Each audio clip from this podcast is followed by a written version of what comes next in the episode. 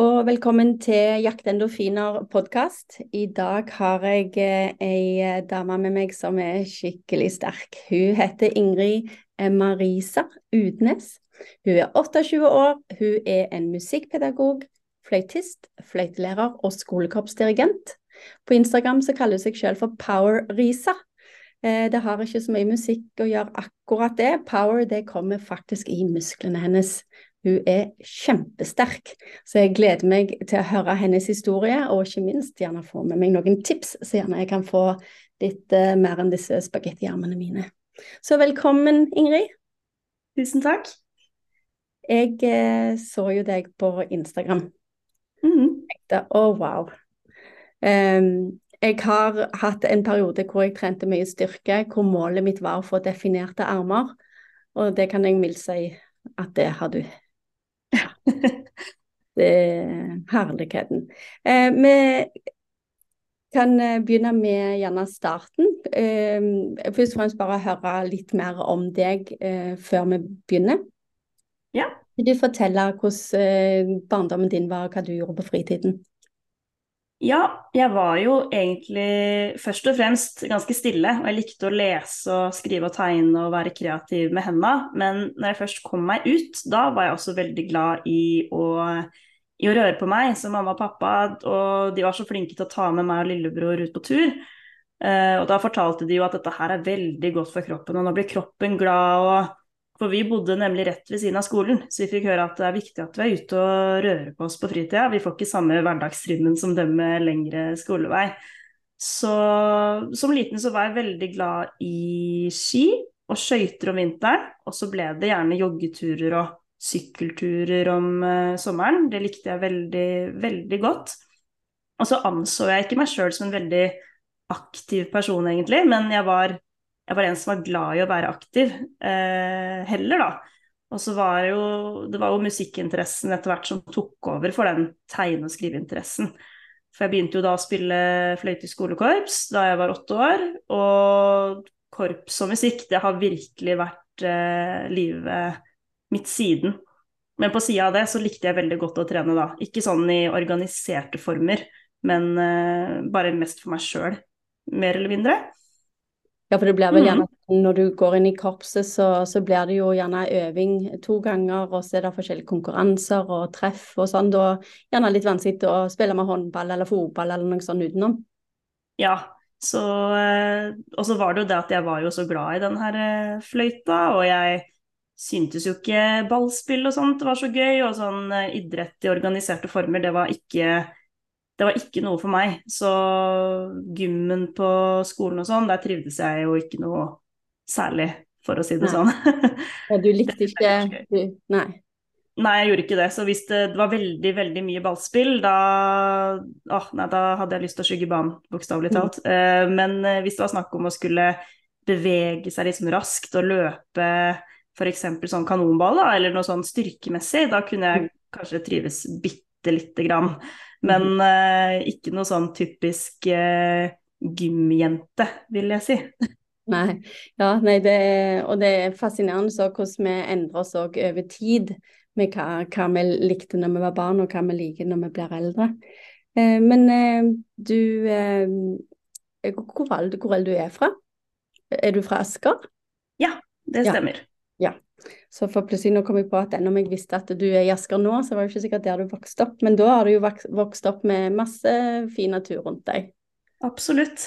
Mm. Um, du Jeg leste på Instagrammen din um, om at uh, du ble sett på hun, som hun tynne når du ja. var liten. Kan ikke du fortelle litt om det? Jo, Uh, ja, for jeg var jo hun tynne. Og eh, jeg var veldig tynn jeg var veldig liten. Jeg er jo fortsatt ganske liten, blir jo ikke høyere, holdt jeg på å si.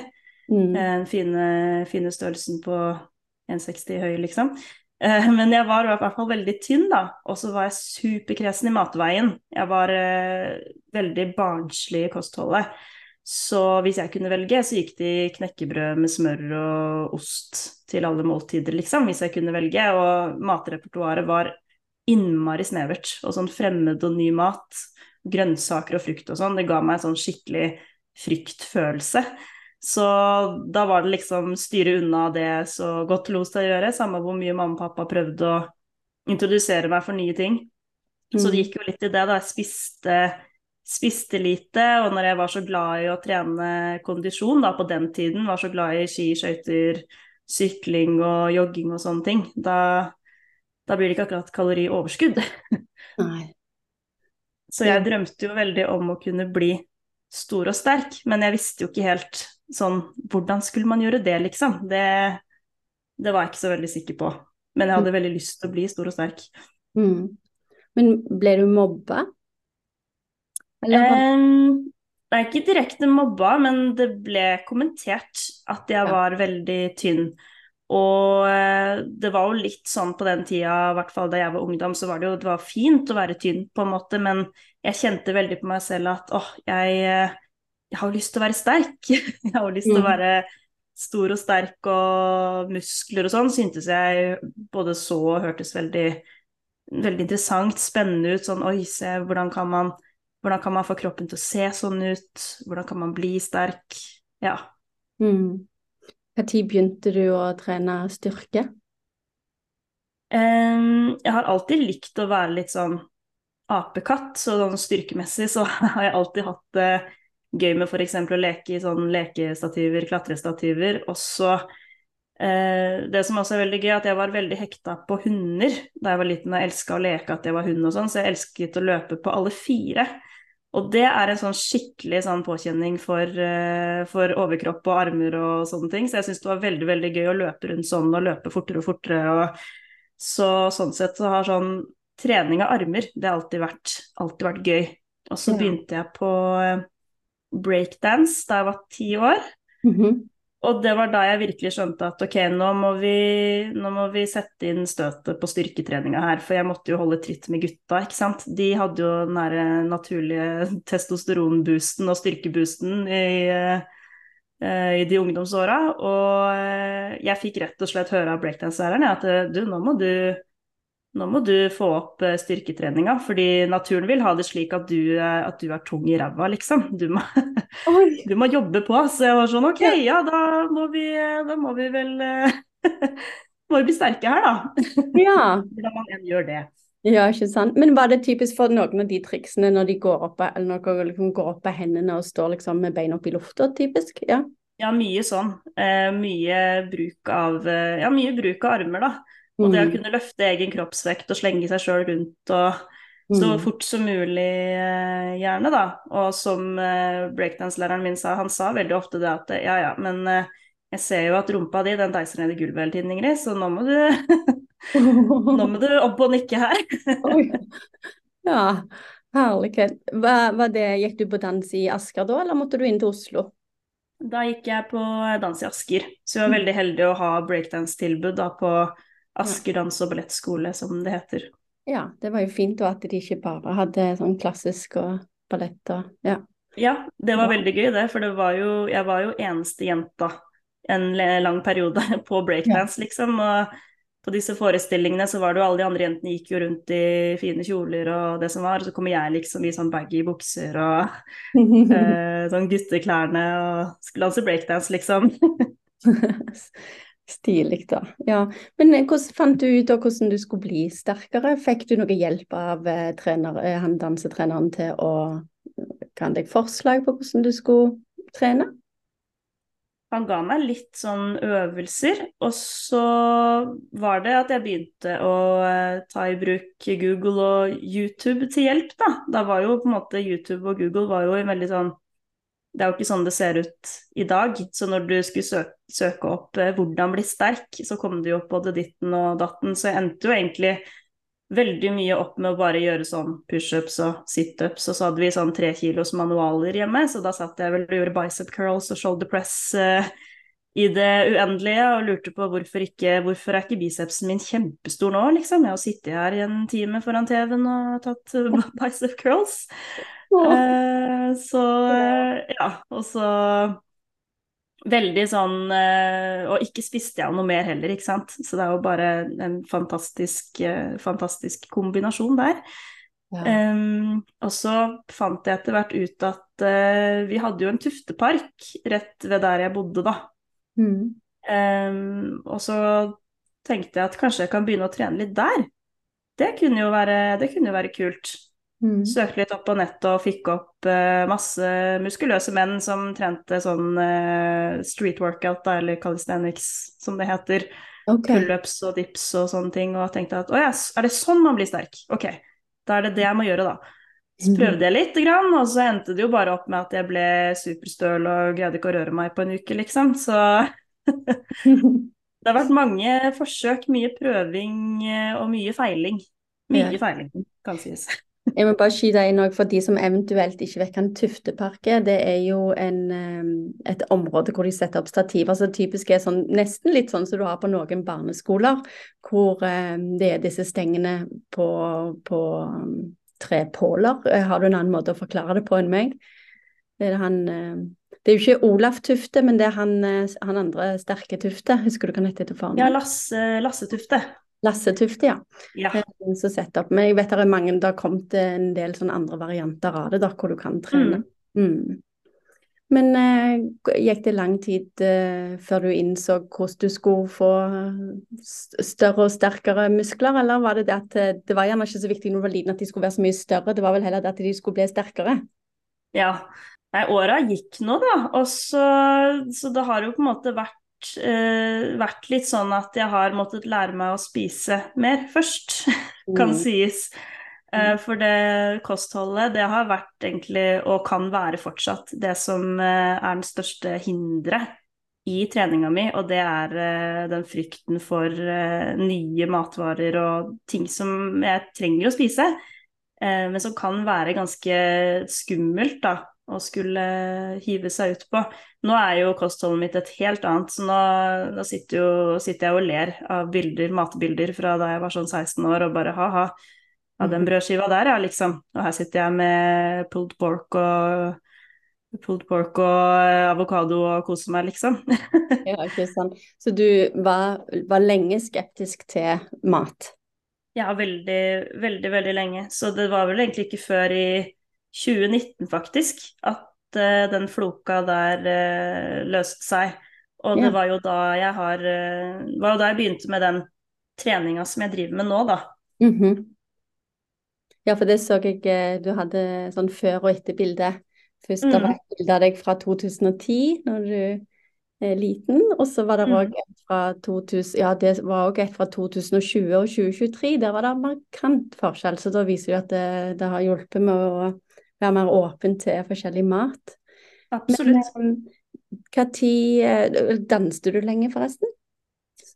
Eh, jeg slutta vel siste året på videregående. Da slutta jeg med breakdance, og så fikk musikken enda mer plass. Og det har vært litt sånn at jeg har prøvd å ta opp igjen breakdansen igjen senere, men så blir man jo eldre da, vet du, så får man, man får jo vondt i både hofter og skuldre. og jeg har en video på YouTube der jeg gjør noen sånne triks, eh, tar opp igjen gamle triks. Og det er så gøy, og jeg deiser i gulvet, og det er eh, banning, og det er eh, Og det smeller i gulvet. Det er, kjempe, det er kjempegøy. Så det er kanskje nesten så jeg må ta, må ta og gjøre det om igjen, fordi det hadde vært gøy. Jeg savner jo veldig å danse breakdance, men enn så lenge så har jeg ikke fått, eh, fått det til å, fått til å begynne igjen, da. Nei. Det, og så er det hva, hva tida strekker til, for nå liksom du, du spiller fløyte sjøl, og du har eh, du er fløytelærer og skolekorpsdirigent og spiller spiller i to korps, var det ikke så? Ja. Mhm. Hva heter de korpsene da? Jeg spiller i Asker musikkorps, Mm. og så spiller jeg i et uh, veldig nyoppstarta korps som heter uh, Hyggekorpset. Det er veldig Norges hyggeligste korps, må Ja. sies. Ja. Kult. Ja, for det er det der å få, få timene til å gå opp når du skal ha både gjøre jobben din, gjøre det du liker, og, eh, og trene utenom. Eh, Mm. Men eh, begynte du å trene Du trente inn i det, på Tufteparken og begynte å trene inne på treningsstudio òg etter hvert, kanskje? Etter videregående, da, eller? Ja, Mm. så jeg var innom treningsstudio en, eh, noen ganger da, i løpet av studietida. -hmm. Da var jeg litt sånn inn og ut og støttemedlem og det som er, og syntes det var veldig skummelt inne på det treningssenteret. Jeg syntes jo det var veldig gøy. Og skjønte fort hva slags øvelser jeg likte å gjøre. Egentlig bare overkroppsøvelser, men eh, Så jeg skjønte jo fort at dette her er gøy, men jeg syntes det var skikkelig, skikkelig skummelt. Så det var jo også da i, i 2019 da vi gjorde en sånn livsstilsendring med både trening og kosthold. Da var det liksom det å få meg selv inn på treningssenteret og så ofte som mulig bli vant til, bli vant til å være der. Og, men da ble jeg utrolig, utrolig glad i det. Så nå er det jo først og fremst på treningssenter jeg eh, trener, men så er det jo også veldig, veldig gøy å ta seg en tur ut i Tufteparkene når, eh, når det er godt vær. Ja, ikke sant. Men hva var det, så, hva var det du syntes var så skummelt med treningssenter i starten? Det var jo dette med at det var så mange andre mennesker der, og så ble jeg veldig sånn oppmerksom på meg selv. Jeg ble veldig sånn å nei, men jeg vil jo se ut som den personen, eller jeg vil heller se ut som den personen, og eh, ser jeg bra ut, på en måte? Ser, ser jeg dum ut når jeg sitter på denne maskinen her og ikke helt vet hva jeg driver med? Eh, veldig sånn typisk sånn man begynner på treningssenter og sammenligner seg med alle andre rundt seg. og Så er det det å prøve å snu fokuset til å heller la meg inspirere av de som var flinke der inne, og de som var sterke. Og, og etter hvert også så meldte jeg meg inn på et treningssenter her i Asker som heter Ordentlig gym. Ja. Og det og der var det et helt spesielt eh, miljø. Det er en så fin gym, så det var, var noe helt annet enn disse eh, gymmene hvor på en måte alle sammen går. For på den gymmen så er det jo også utrolig mange forskjellige mennesker, men man har også de som er superdedikerte i treninga si, og som er proffe bodybuildere. og Uh, og når man ser de trene, liksom, da er det da, i hvert fall hos meg, da, det tente en skikkelig sånn gnist. Um, og da Jeg gikk liksom fra å være veldig sånn sjenert på treningssenteret til at uh, nå er det jo Når jeg kommer inn, liksom, så er det brett ut latsen, og det er uh, grynting, og det er uh, lage masse lyd, slenge vekter rundt der de skal, og ja, ja, ja. så herlig. Ja, for det jeg tror det er viktig det der når, når vi skal meldes inn på et treningssenter, det der å gjerne ta og undersøke litt forskjellig og så se hvor du kjenner si, på en god energi da, på, på mm. det å være der. For uh, ja, jeg har selv vandra rundt og alltid syntes at det var veldig greit å ha et program, for du vet akkurat hva du skal gå til. Hvis ikke blir det bare vimsing fram og tilbake. Ja. så ble det ikke noe trening. Og så mm, det som jeg tror mange, iallfall damer, ender opp i, er å gå i de saltimene. For det at du, du får ikke den kvalitetsøkta ute i salen for det, enten om det er opptatt eller du ikke vet helt sikker på hva du skal gjøre, og så er det ikke alltid du tør å spørre om hjelp. Ja. Så, det beste er å spørre om hjelp. Om det så er den som sitter på maskinen, om de bare kan vise eh, før vi setter oss ned. Ja, absolutt. Og det tenker jeg at det er jo så utrolig mye god kunnskap der ute. Det er så mange dyktige PT-er og coacher som virkelig vet hva de driver med. De har jo tross alt utdanning og har gått en så lang vei for å tilegne seg den kunnskapen de har. Og at det da er så viktig da, og verdifullt å kunne ta kontakt med de som eh, jobber på treningssenteret, og de som For de har peiling. Mm. Og ikke minst benytte seg av den der eh, eh, omvisningen som de aller, aller fleste har, som kan vise de forskjellige maskinene, hvordan de fungerer, hvordan du stiller inn, hva du skal tenke på. Eh, sånn at det, det, blir lettere å gå, og likevel kunne gå tilbake igjen i skranken og si du, det var den ene maskinen, jeg husker ikke hvordan den funker, kan mm. hjelpe meg? Sånn at du ikke ødelegger, ødelegger ryggen eller uh, uh, ja, ikke får trent de musklene som du skal da, fordi du gjør det feil. Mm. Ja. Um, du trente der en stund, fikk spist uh, annen mat. Hva, hva, hva mat endte du opp med å spise da, i starten? Så hva skulle du? Eh, nei, det ble jo det å finne litt sånn enkle løsninger på ting. F.eks. syns jeg fisk kan være veldig vanskelig å spise. Det er sånn typisk sånn, sånn barnekosthold, ikke sant. Fisk, æsj, det skal man jo ikke spise. Ja. Så eh, da var det å finne litt sånn typ sånn panert type fisk, da. Eh, og begynne å spise det, og så putte det til en bestemt dag. og putte ris og brokkoli til, og da smaker det godt. Og så, så var det det å lage en litt sånn sunn pizza som spises en gang i uka, og bare lage noen sånne mm. eh, ganske enkle ting, da. Som er lette å forholde seg til, og som ikke er så skumle. Og så lage en veldig hyggelig sånn stemning rundt det å skulle spise det, da.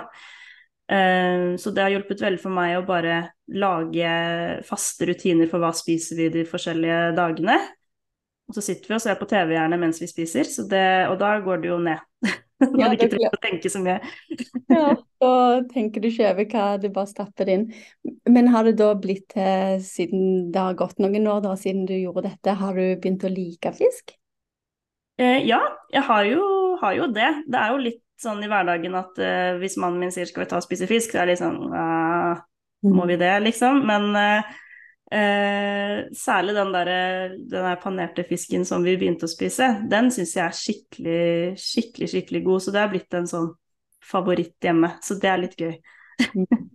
Ja, men det, det er viktig å, å ja, spise de tingene vi liker, men ikke minst det som du har gjort. da, At du egentlig pusher deg selv til å prøve mat som du syns var skummel? For det, folk har så veldig forskjellig forhold til mat. Mm, absolutt. Jeg har fått veldig god hjelp av, eh, og får veldig god hjelp av vennene mine og, og mannen min, da. Mm. Så når det har vært sånn at jeg skulle lære meg på, en måte på nytt å spise frukt og grønt, så var det sånn å sette seg ned, så spiser vi den biten, og så prater vi om noe annet. Og så veldig sånn barnslig tilnærming, men av og til så er det jo gjerne at det barnslige og enkle, det, det er det som skal til. Ja, ja. Jeg har eh, to ting som jeg måtte lære, eller så jeg ville lære meg selv å like. Det var løk. Eh, og da begynte jeg med fransk løksuppe, hvor jeg i begynnelsen bare spiste den granerte osten på toppen, og så hadde jeg brødskive under. Og ja. under brødskiva så er suppa med løk. Så i begynnelsen var det liksom bare skive og osten, for det var jo som en toast. Ja. Så, for jeg bodde i USA, det var så billig forrett. Det var gjerne sånn 40 mm. kroner, ikke sant. Og så etter hvert når jeg hadde holdt på sikkert et halvt år på, på forskjellige restaurantbesøk, så til slutt så spiste jeg hele suppa, og da måtte jeg sende melding til mor mi, da. Nå liker jeg løk. Ja. og den andre var grønne oliven, for det, var i studietida i Nord-Dakota dette her. Og da eh, når jeg bestilte drink, så ofte lå det oliven oppi. Så tenkte jeg at ekle smaker jo ikke godt. Men så begynte jeg å spørre om kniv og gaffel. Delte jeg den opp i masse små biter, og så spiste jeg litt og litt. Og så når jeg da gjorde det på første drinken eh, de gangene vi gikk på en sånn sportsbar da, for å se amerikansk fotball på TV, så ble det jo til at jeg likte det. Ja. så det er liksom bare det der å, å pushe seg sjøl til OK, dette må jeg Så dette bruker jeg mot ungene mine òg, og da går det jo an å som voksen òg å ja. endre matvaner. Det er jo kjempebra. Absolutt. Funker, eh, funker fjell på voksen òg. Mm.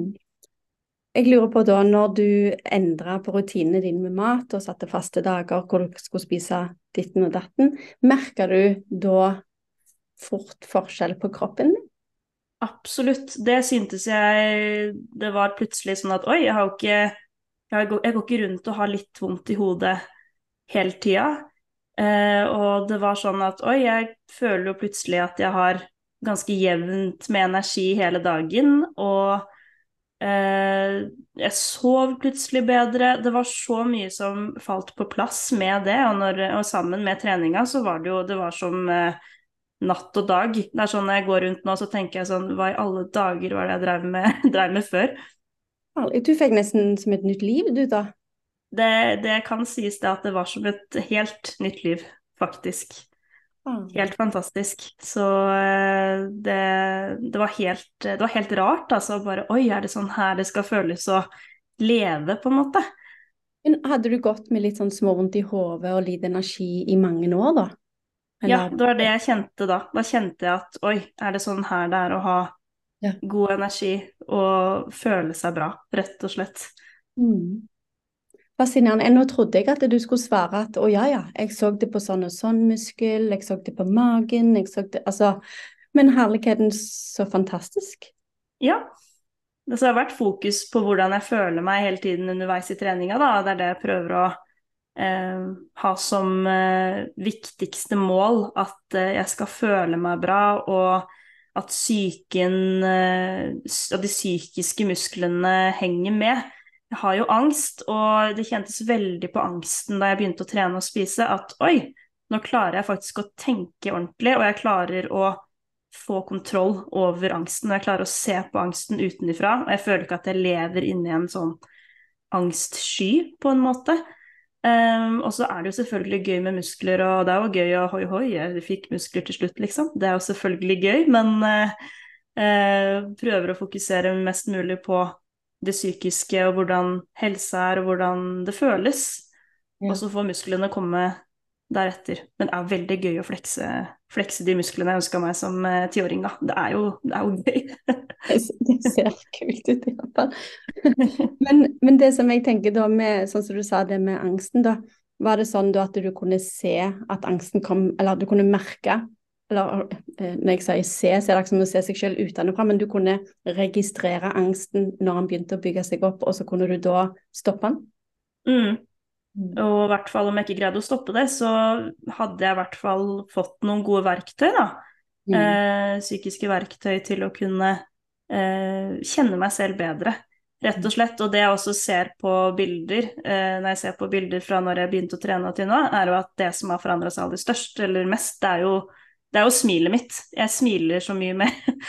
Så nå smilet er så mye større og så bredere, og så mye mer helhjerta, da.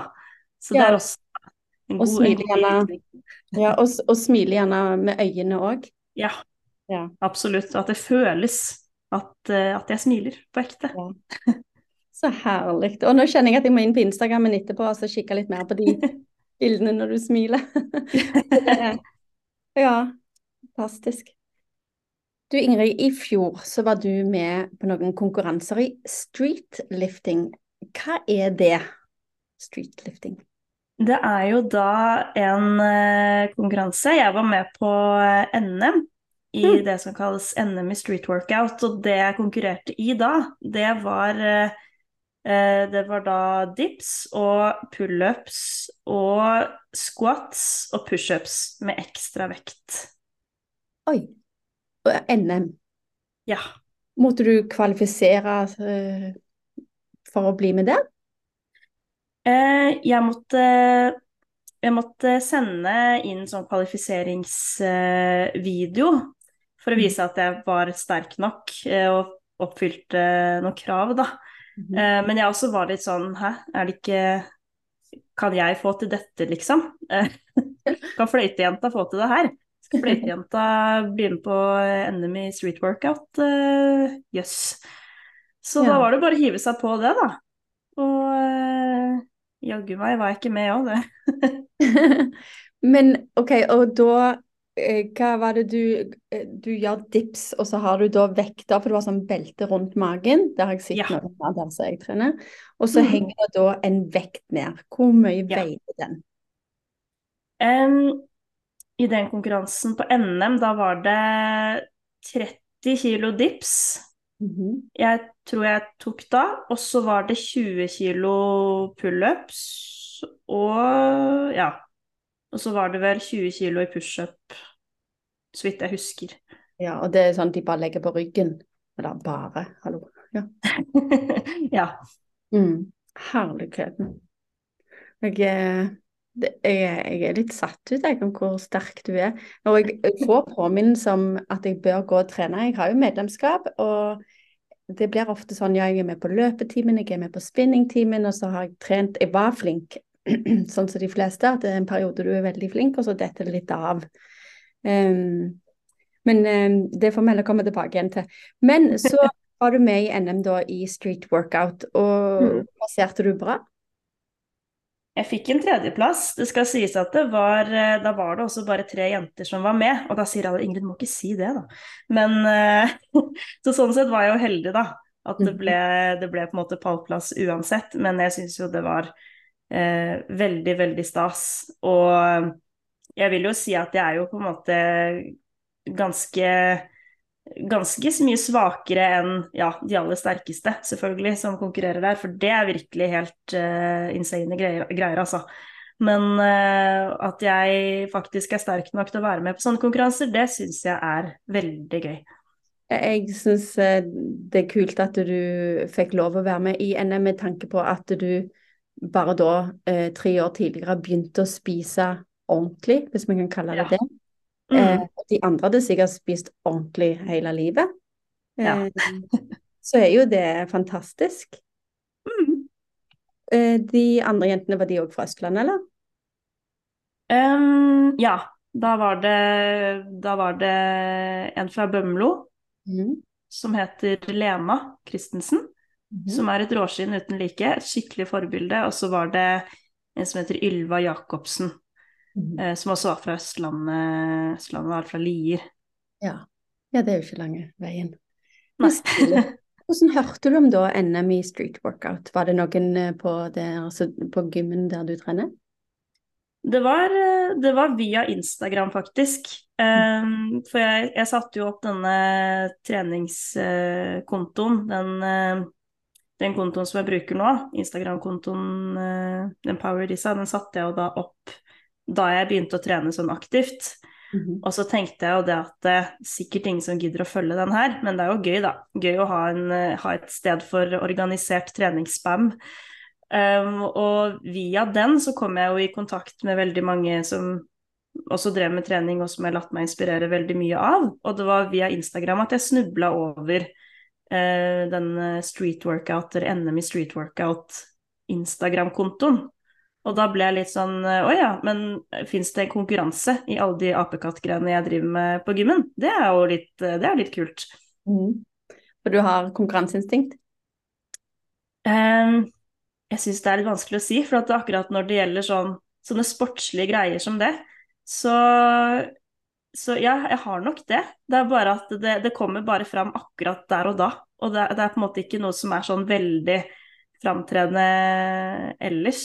Så det, er- det er ganske komisk. Sånn i andre konkurranser og sånne ting, så er jeg en skikkelig, skikkelig god, god taper. Altså jeg eh, hedrer vinneren, og jeg regner nesten med å tape, og jeg klumser til og det som er, men uh, akkurat i street workout-situasjonene og sånne ting, eller når det har vært sportslige, litt sånn sportslige ting, så da kicker det inn et sånt eh, konkurranseinstinkt-gir, og da kjenner jeg nesten ikke meg sjøl igjen, ass. Da er det bare sånn Oi, hvem, hvem var dette her?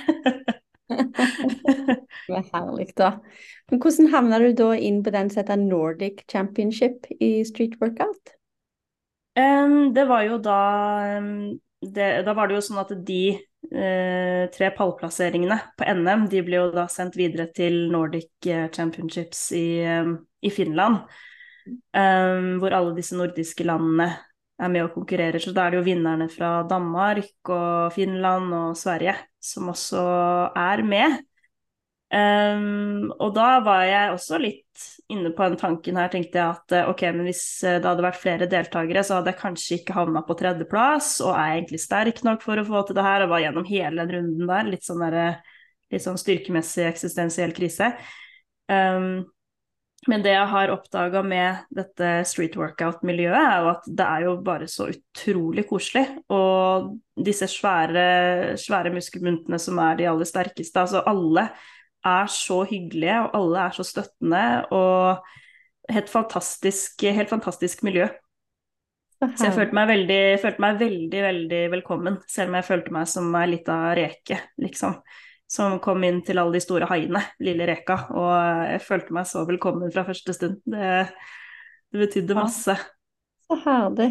Er du fornøyd med plasseringen du fikk der? Da var vi også nok en gang bare tre, vet du, så da ble det jo en tredjeplass der òg. Men eh, Og da var jeg ikke så fornøyd med, med prestasjonen sånn egentlig. Da var det litt sånn ah, jeg burde gjort ting sånn eller sånn. Det var en, det var en pullup som, eh, som jeg ikke fikk til, og man har jo tre forsøk på den vekta man prøver. Jeg tror jeg prøvde eh, 17,5 skulle jeg prøve da, på død og liv, og det gikk akkurat ikke tre ganger. Så tenkte jeg, og tenkte jeg jo i ettertid, jeg kunne jo bare tatt de 15 kiloene som jeg vet går, og så kunne jeg fått de poengene med meg videre istedenfor at det ble null. Men akkurat under nordisk også, så hadde jeg fått betennelse i hele høyre armen i forkant. Au. Eh, av er litt kanskje overivrig trening og sånne ting, da. Så jeg prøver å se på det sånn at til tross for, det, for den betennelsen, så eh, var jeg med, og jeg ga det jeg hadde, og så er det, så er det jo en god erfaring. Ja, virkelig ta med en erfaring, og ikke minst eh, prøve igjen senere. Mm. Så herlig. Men eh, da, det som du òg må passe på da med, med, din trening, er jo at da hvis du får betennelse, så påvirker jo det jobben din. For du bruker Absolutt. jo hendene for å spille fløyte. Mm, så jeg har kjent litt på det siste året, faktisk, at det har vært, eh, det har vært tungt med den, eh, den konkurransetreninga.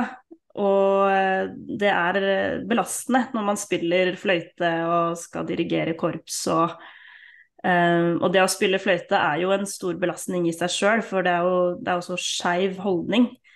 Så jeg har merka veldig at hvis det blir mye fløyte og mye trening sånn samtidig, da, kan, da kommer vondtene og banker på. Mm. Så det kan bli for mye av det gode òg, faktisk. Ja. Har du fått med deg noen av de i musikken til å være med og trene styrke? Uh, jeg har jo hatt tatt med meg litt sånn eh, venninner fra fløytestudiene f.eks. Tatt dem med på treningssenteret, vist dem litt rundt hvordan maskiner funker og sånne ting. Og har virkelig prøvd å være litt sånn uh, Prøvd å bringe det gode budskap inn på musikkstudiet til uh, mine medstudenter om hvor godt styrketrening er da, for spillinga. Og jeg sa at jeg puster så mye bedre og føler at alle sånne småvondter og sånne ting, det det, det blir behandla på en måte via styrketrening. Men så vil jeg si at den, den som faktisk har som jeg greide å omvende, da, hvis man kan se på det sånn, det har vært mannen min. For han er også musiker og skolekorpsdirigent og trompet, eh, trompetlærer, da. Så han er jo Du kan ta timer hos han, vi skal ta opp igjen kornetten. Så han, eh, han, var litt sånn typisk eh, sånn musiker som han selv sier nå, da. At han var veldig sånn Han skulle ikke trene, og nei, her skal vi bruke det overskuddet vi har til å spille instrumenter, og, og vi trenger jo ikke styrketrening, nei, det er bare, det er bare veien, og nei, det er, det er oppskrytt. Men så fikk jeg han med meg da, etter hvert sånn mer og mer inn på treningssenteret, og det skal sies at han var supersutrete i starten. Og det var, det var, surmuling, og det var øh, hver eneste økt vi hadde sammen. Og jeg måtte bare ja ja, hver gang vi gikk inn der. Og så var det liksom bare sånn puste letta ut når man gikk ut igjen, eh, på en måte. Men han har virkelig blitt eh, helt frelst av den styrketreninga. Altså, han er så glad i den, og han har blitt skikkelig Ikke like sterk som meg, heldigvis, men, men han har blitt kjempesterk, og han har utvikla seg så mye, og han har fått en så sterk sånn interesse for styrketrening, han også nå. Så det jeg syns er veldig morsomt, er når vi nå planlegger ukene våre, og han er sånn Ja, og da og da, da må vi huske å få trent. Ja, og da går vi på gymmen. Og den dagen, da må vi på gymmen da. Og så så han er veldig opptatt av å få det inn i hverdagen, da. Så jeg tror nesten ikke mine egne, mine egne ører. Men uh, han, uh, han, også er veldig på dette her. Fortelle til alle sine Alle i sin sånn musikalske omgangskrets hvor bra styrketrening er. Og det er jo fantastisk. Så ja, fått med meg én i hvert fall. ja, ja, og da er det jo ekstra kjekt at det er han, da. For det, mm. han ikke så på det som noe viktig i det hele tatt, så, så, har du Du får liksom ikke delt den gleden når du når, eh, når noe, et nytt mål, da. Mm. Og kjekt å kunne dele det med, med sine nærmeste spesielt. Men mm. eh, miljøet er jo inkluderende òg, så så for de som ikke får med den, den de bor med, så får de iallfall delt det med de på, i samme miljø eller på Instagram. Mm.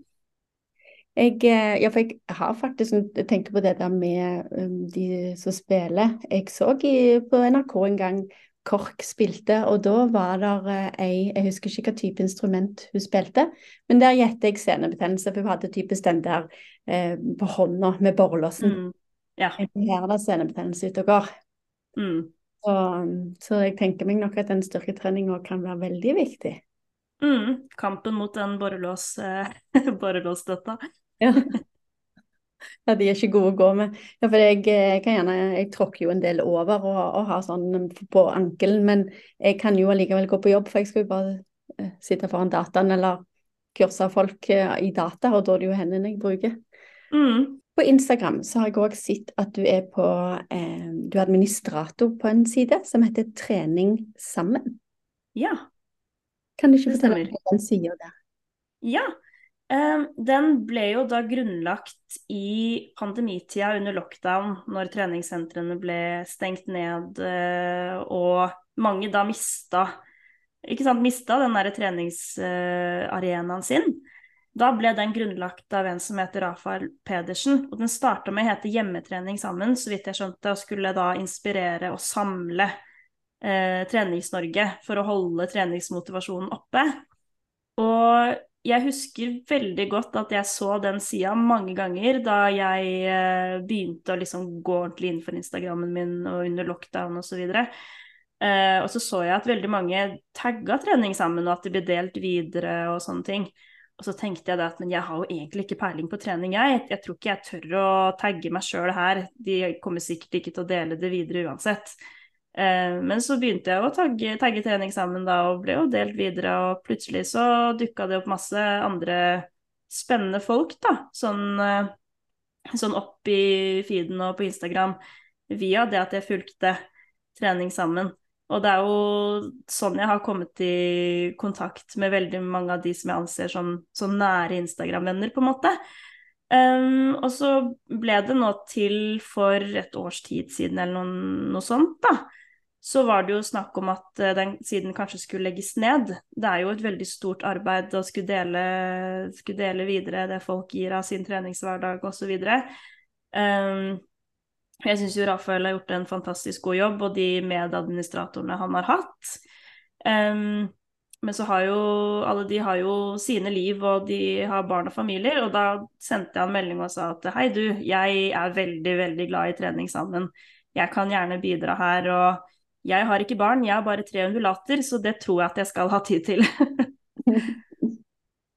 Så, eh, så, det betyr veldig mye, da. Den, den uh, Instagram-kontoen har hatt veldig mye å si også for min treningsmotivasjon opp igjennom, da. Så det å nå være en medadministrator der, det betyr veldig mye. Ja, så den eh, for dere som lytter som gjerne i starten på trening, eller har trent lenge, ta så uansett sjekk ut den sida på Instagram, for da kan du få eh, inspirasjon for å prøve noe nytt, eller teste ut ting. og ikke minst se om klarer du det samme som noen på de på videoene. Som mm. pistol squat, for eksempel. Der uh, er ikke jeg helt, men jeg har òg elendig balanse. men det er, det er, kjekt å se hva andre får til, og så ikke minst få for, forslag til hva vi kan prøve. Mm. All slags eh, type aktiviteter der inne. Mm. Mm. Så der er det bare å tagge, og vi deler videre, og det er et så flott fellesskap. Og så masse flotte forskjellige, forskjellige treningsformer som ja. dukker opp der. Ja, jeg så det var noen jeg kjente igjen innpå der. Så det, det er veldig mye folk. Vet du hvor mange som følger? Eh, jeg lurer på om det eh, Skal vi se Har du her eh, Nå er det 2500 følgere der. Ja. 2500. Mm. Det er jo fantastisk. Og bare for noe positivt for å være i aktivitet, det er gull. Det ene bildet som jeg nevnte tidligere òg, eh, som du har lagt ut med deg før og etter, holdt på å si, på, fra 2020 til 2023, så er det en stor mm. forandring. Det er jo selvfølgelig stor forskjell på den fra 2010 òg, men da var du så ung. Men mm.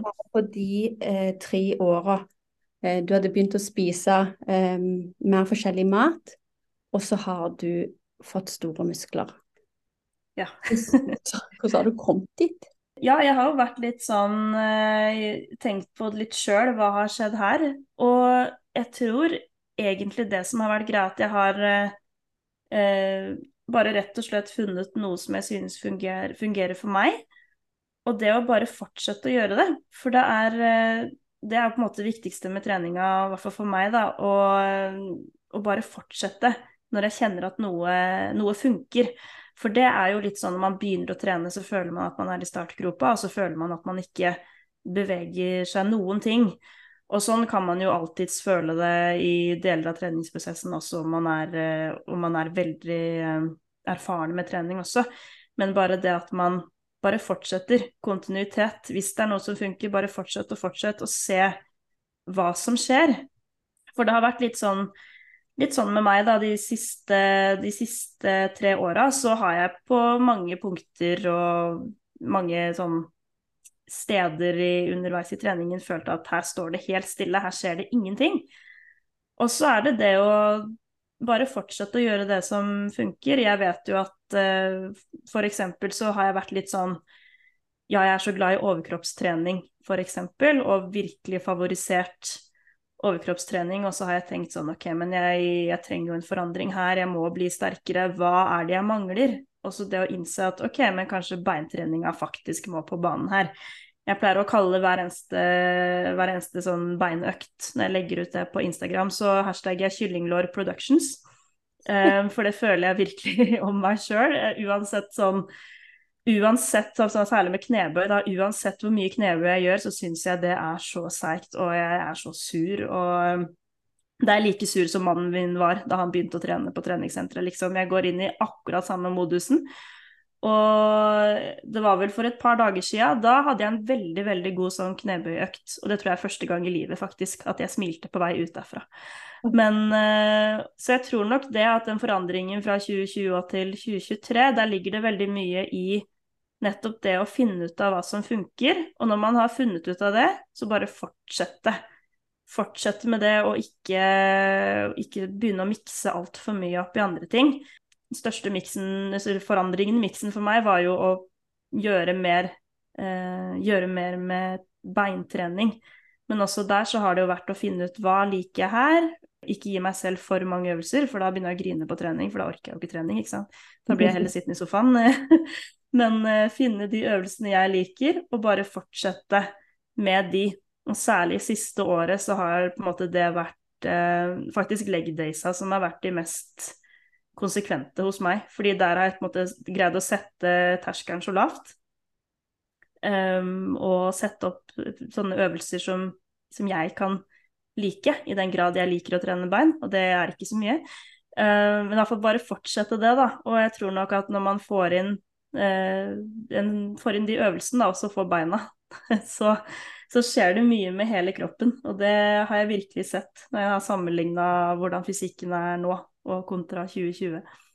Og da må jeg jo si at du tar jo 80 kilo i knebøy. Ja. Jeg føler jo selv at jeg gjerne skulle hatt mer, eh, mer, vekt på den stanga. Det er jo veldig sånn typisk at jeg sammenligner meg med andre jenter da, på treningssenteret som eh, laster på med skivene, og så kommer jeg med den, eh, det som føles som den lille 80-kiloen. Kan jo si det sånn da, at jeg liker å si at uh, min største usikkerhet på, eh, på treningssenteret, det er liksom det jeg føler er den lille rumpa mi. Så jeg liker liksom å gjøre litt sånn ut av det. Den derre lille rumpa mi er min største usikkerhet. Så ser jo ikke jeg meg sjøl bak, så jeg vet jo ikke egentlig om den, hva som skjer med den. Men jeg ser i hvert fall at låra, de blir, eh, de blir større. Så de kyllinglåra, de, de vokser. det er bra. Men hvor ofte trener du? Eh, jeg trener mellom tre og fem ganger i uka. Og hvis jeg får inn en sjette, da, da skal det være en sånn superuke, altså. Men jeg har også prøver å holde meg selv litt igjen av og til, og holde det på maks, maks fem. Og nå de siste ukene så har jeg vært veldig streng med meg sjøl og sagt ok, ikke mer enn fire. Og mm. hvis det blir tre, så går det greit. For det har, eh, og det har virkelig hjulpet også, faktisk gi meg sjøl tid til å restituere. Ja. For det er også en ting at det kan, ja, det kan bli for mye av det gode. Ja, det er det mange som eh, Eller alle, alle som er aktive, må tenke på det. Hva er dine beste tips for sånn som meg, da, som eh, jeg hadde sist forrige mitt program var jo fra fysioterapeut eh, for å øve mer på balansen og ja, få, sterkere bein. For det var jo litt mot løping òg, da. Mm. Men og core. Men hva er dine liksom beste tips for sånne som meg, eh, som burde trent oftere? Altså for typisk sånn Folk sier ja, vi har eh, sånn som du sier da, leg day én dag. Hvis jeg skulle trent to ganger i uka, f.eks. Mm. Dette, dette har vi ikke snakket om på forhånd, men hva ville du anbefalt da? Eh, nei, når det gjelder å skulle prøve å trene mer, så er mitt aller beste tips egentlig å planlegge både hva du skal gjøre den økta, og så planlegge når, når, du skal gjøre det, og sette en tid.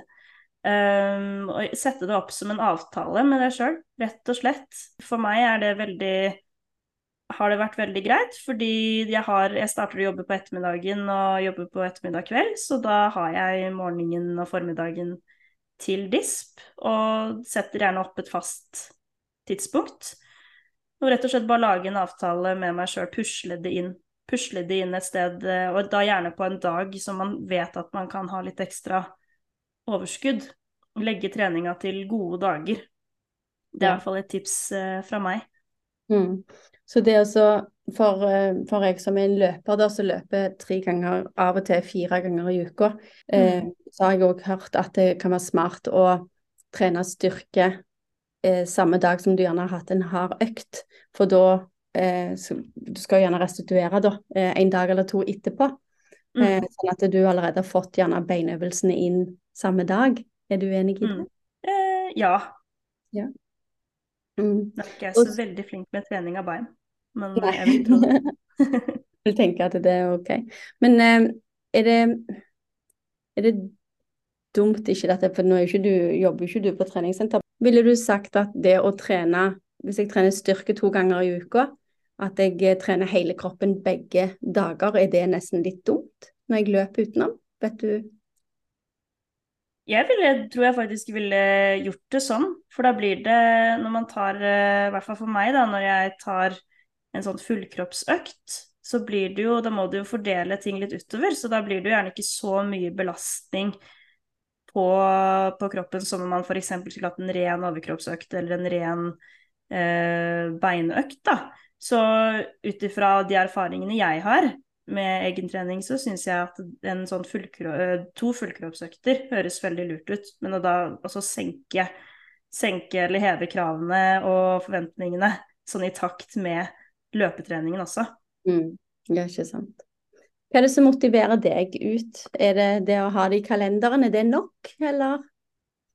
Det, det er jo det at jeg vet at jeg føler meg så bra hvis jeg trener. Jeg, jeg, jeg, jeg, har erfart at hvis jeg ikke trener over bare noen få dagers tid, så blir jeg skikkelig deppa. Skikkelig sånn, skikkelig sånn flat og surmuler skikkelig, og da begynner på en måte angsten å bite litt.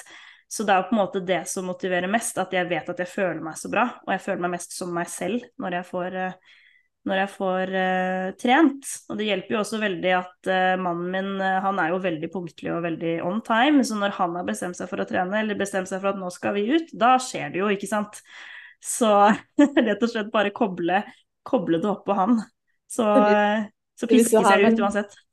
Hvis du har en dag hvor du ikke er helt sånn klar for trening, så klarer du ikke å slutte unna, for det, da står han klar med bagen og sier 'kom igjen'. Ja, ja, ja. da står han i døråpningen. Herlig. Så vil jeg gjerne takke deg, Ingrid, for at du ville være med i min podkast. Det har betydd veldig mye å få være med. Tusen takk. Ja, bare hyggelig. Jeg er veldig glad for at du fikk dele din historie og forhåpentligvis inspirere flere folk til å trene styrke. Både de som spiller i musikken og, og alle oss andre med spagettiarmer som gjerne skulle hatt sånne store muskler. Jeg eh, får vi se om jeg eh, legger ut noen bilder eh, og tagger deg når jeg kommer meg inn på treningsstudio og begynner å lytte. Så vi ser om jeg klarer å få, få noen resultater. Ja, det er det bare å gjøre. Jeg skal heie på deg. ja, det er bra. Ellers vil jeg takke for alle dere som har hørt på dagens episode. Dere finner jo da Ingrid på Instagram som powerrisa med Z. Eh, og ellers så òg på trening sammen på Instagram, den skal iallfall jeg begynne å følge og begynne å tagge. Eh, ellers så kommer det ut en ny episode neste torsdag, så det er bare å følge med. Og nå har jeg òg fått meg en Facebook-side som du òg kan følge, og ikke bare Instagram. Så det er bare å legge igjen beskjed om hva du syns, og om det er forslag til gjester jeg kan ha i podkasten. Og ellers eh, høres vi.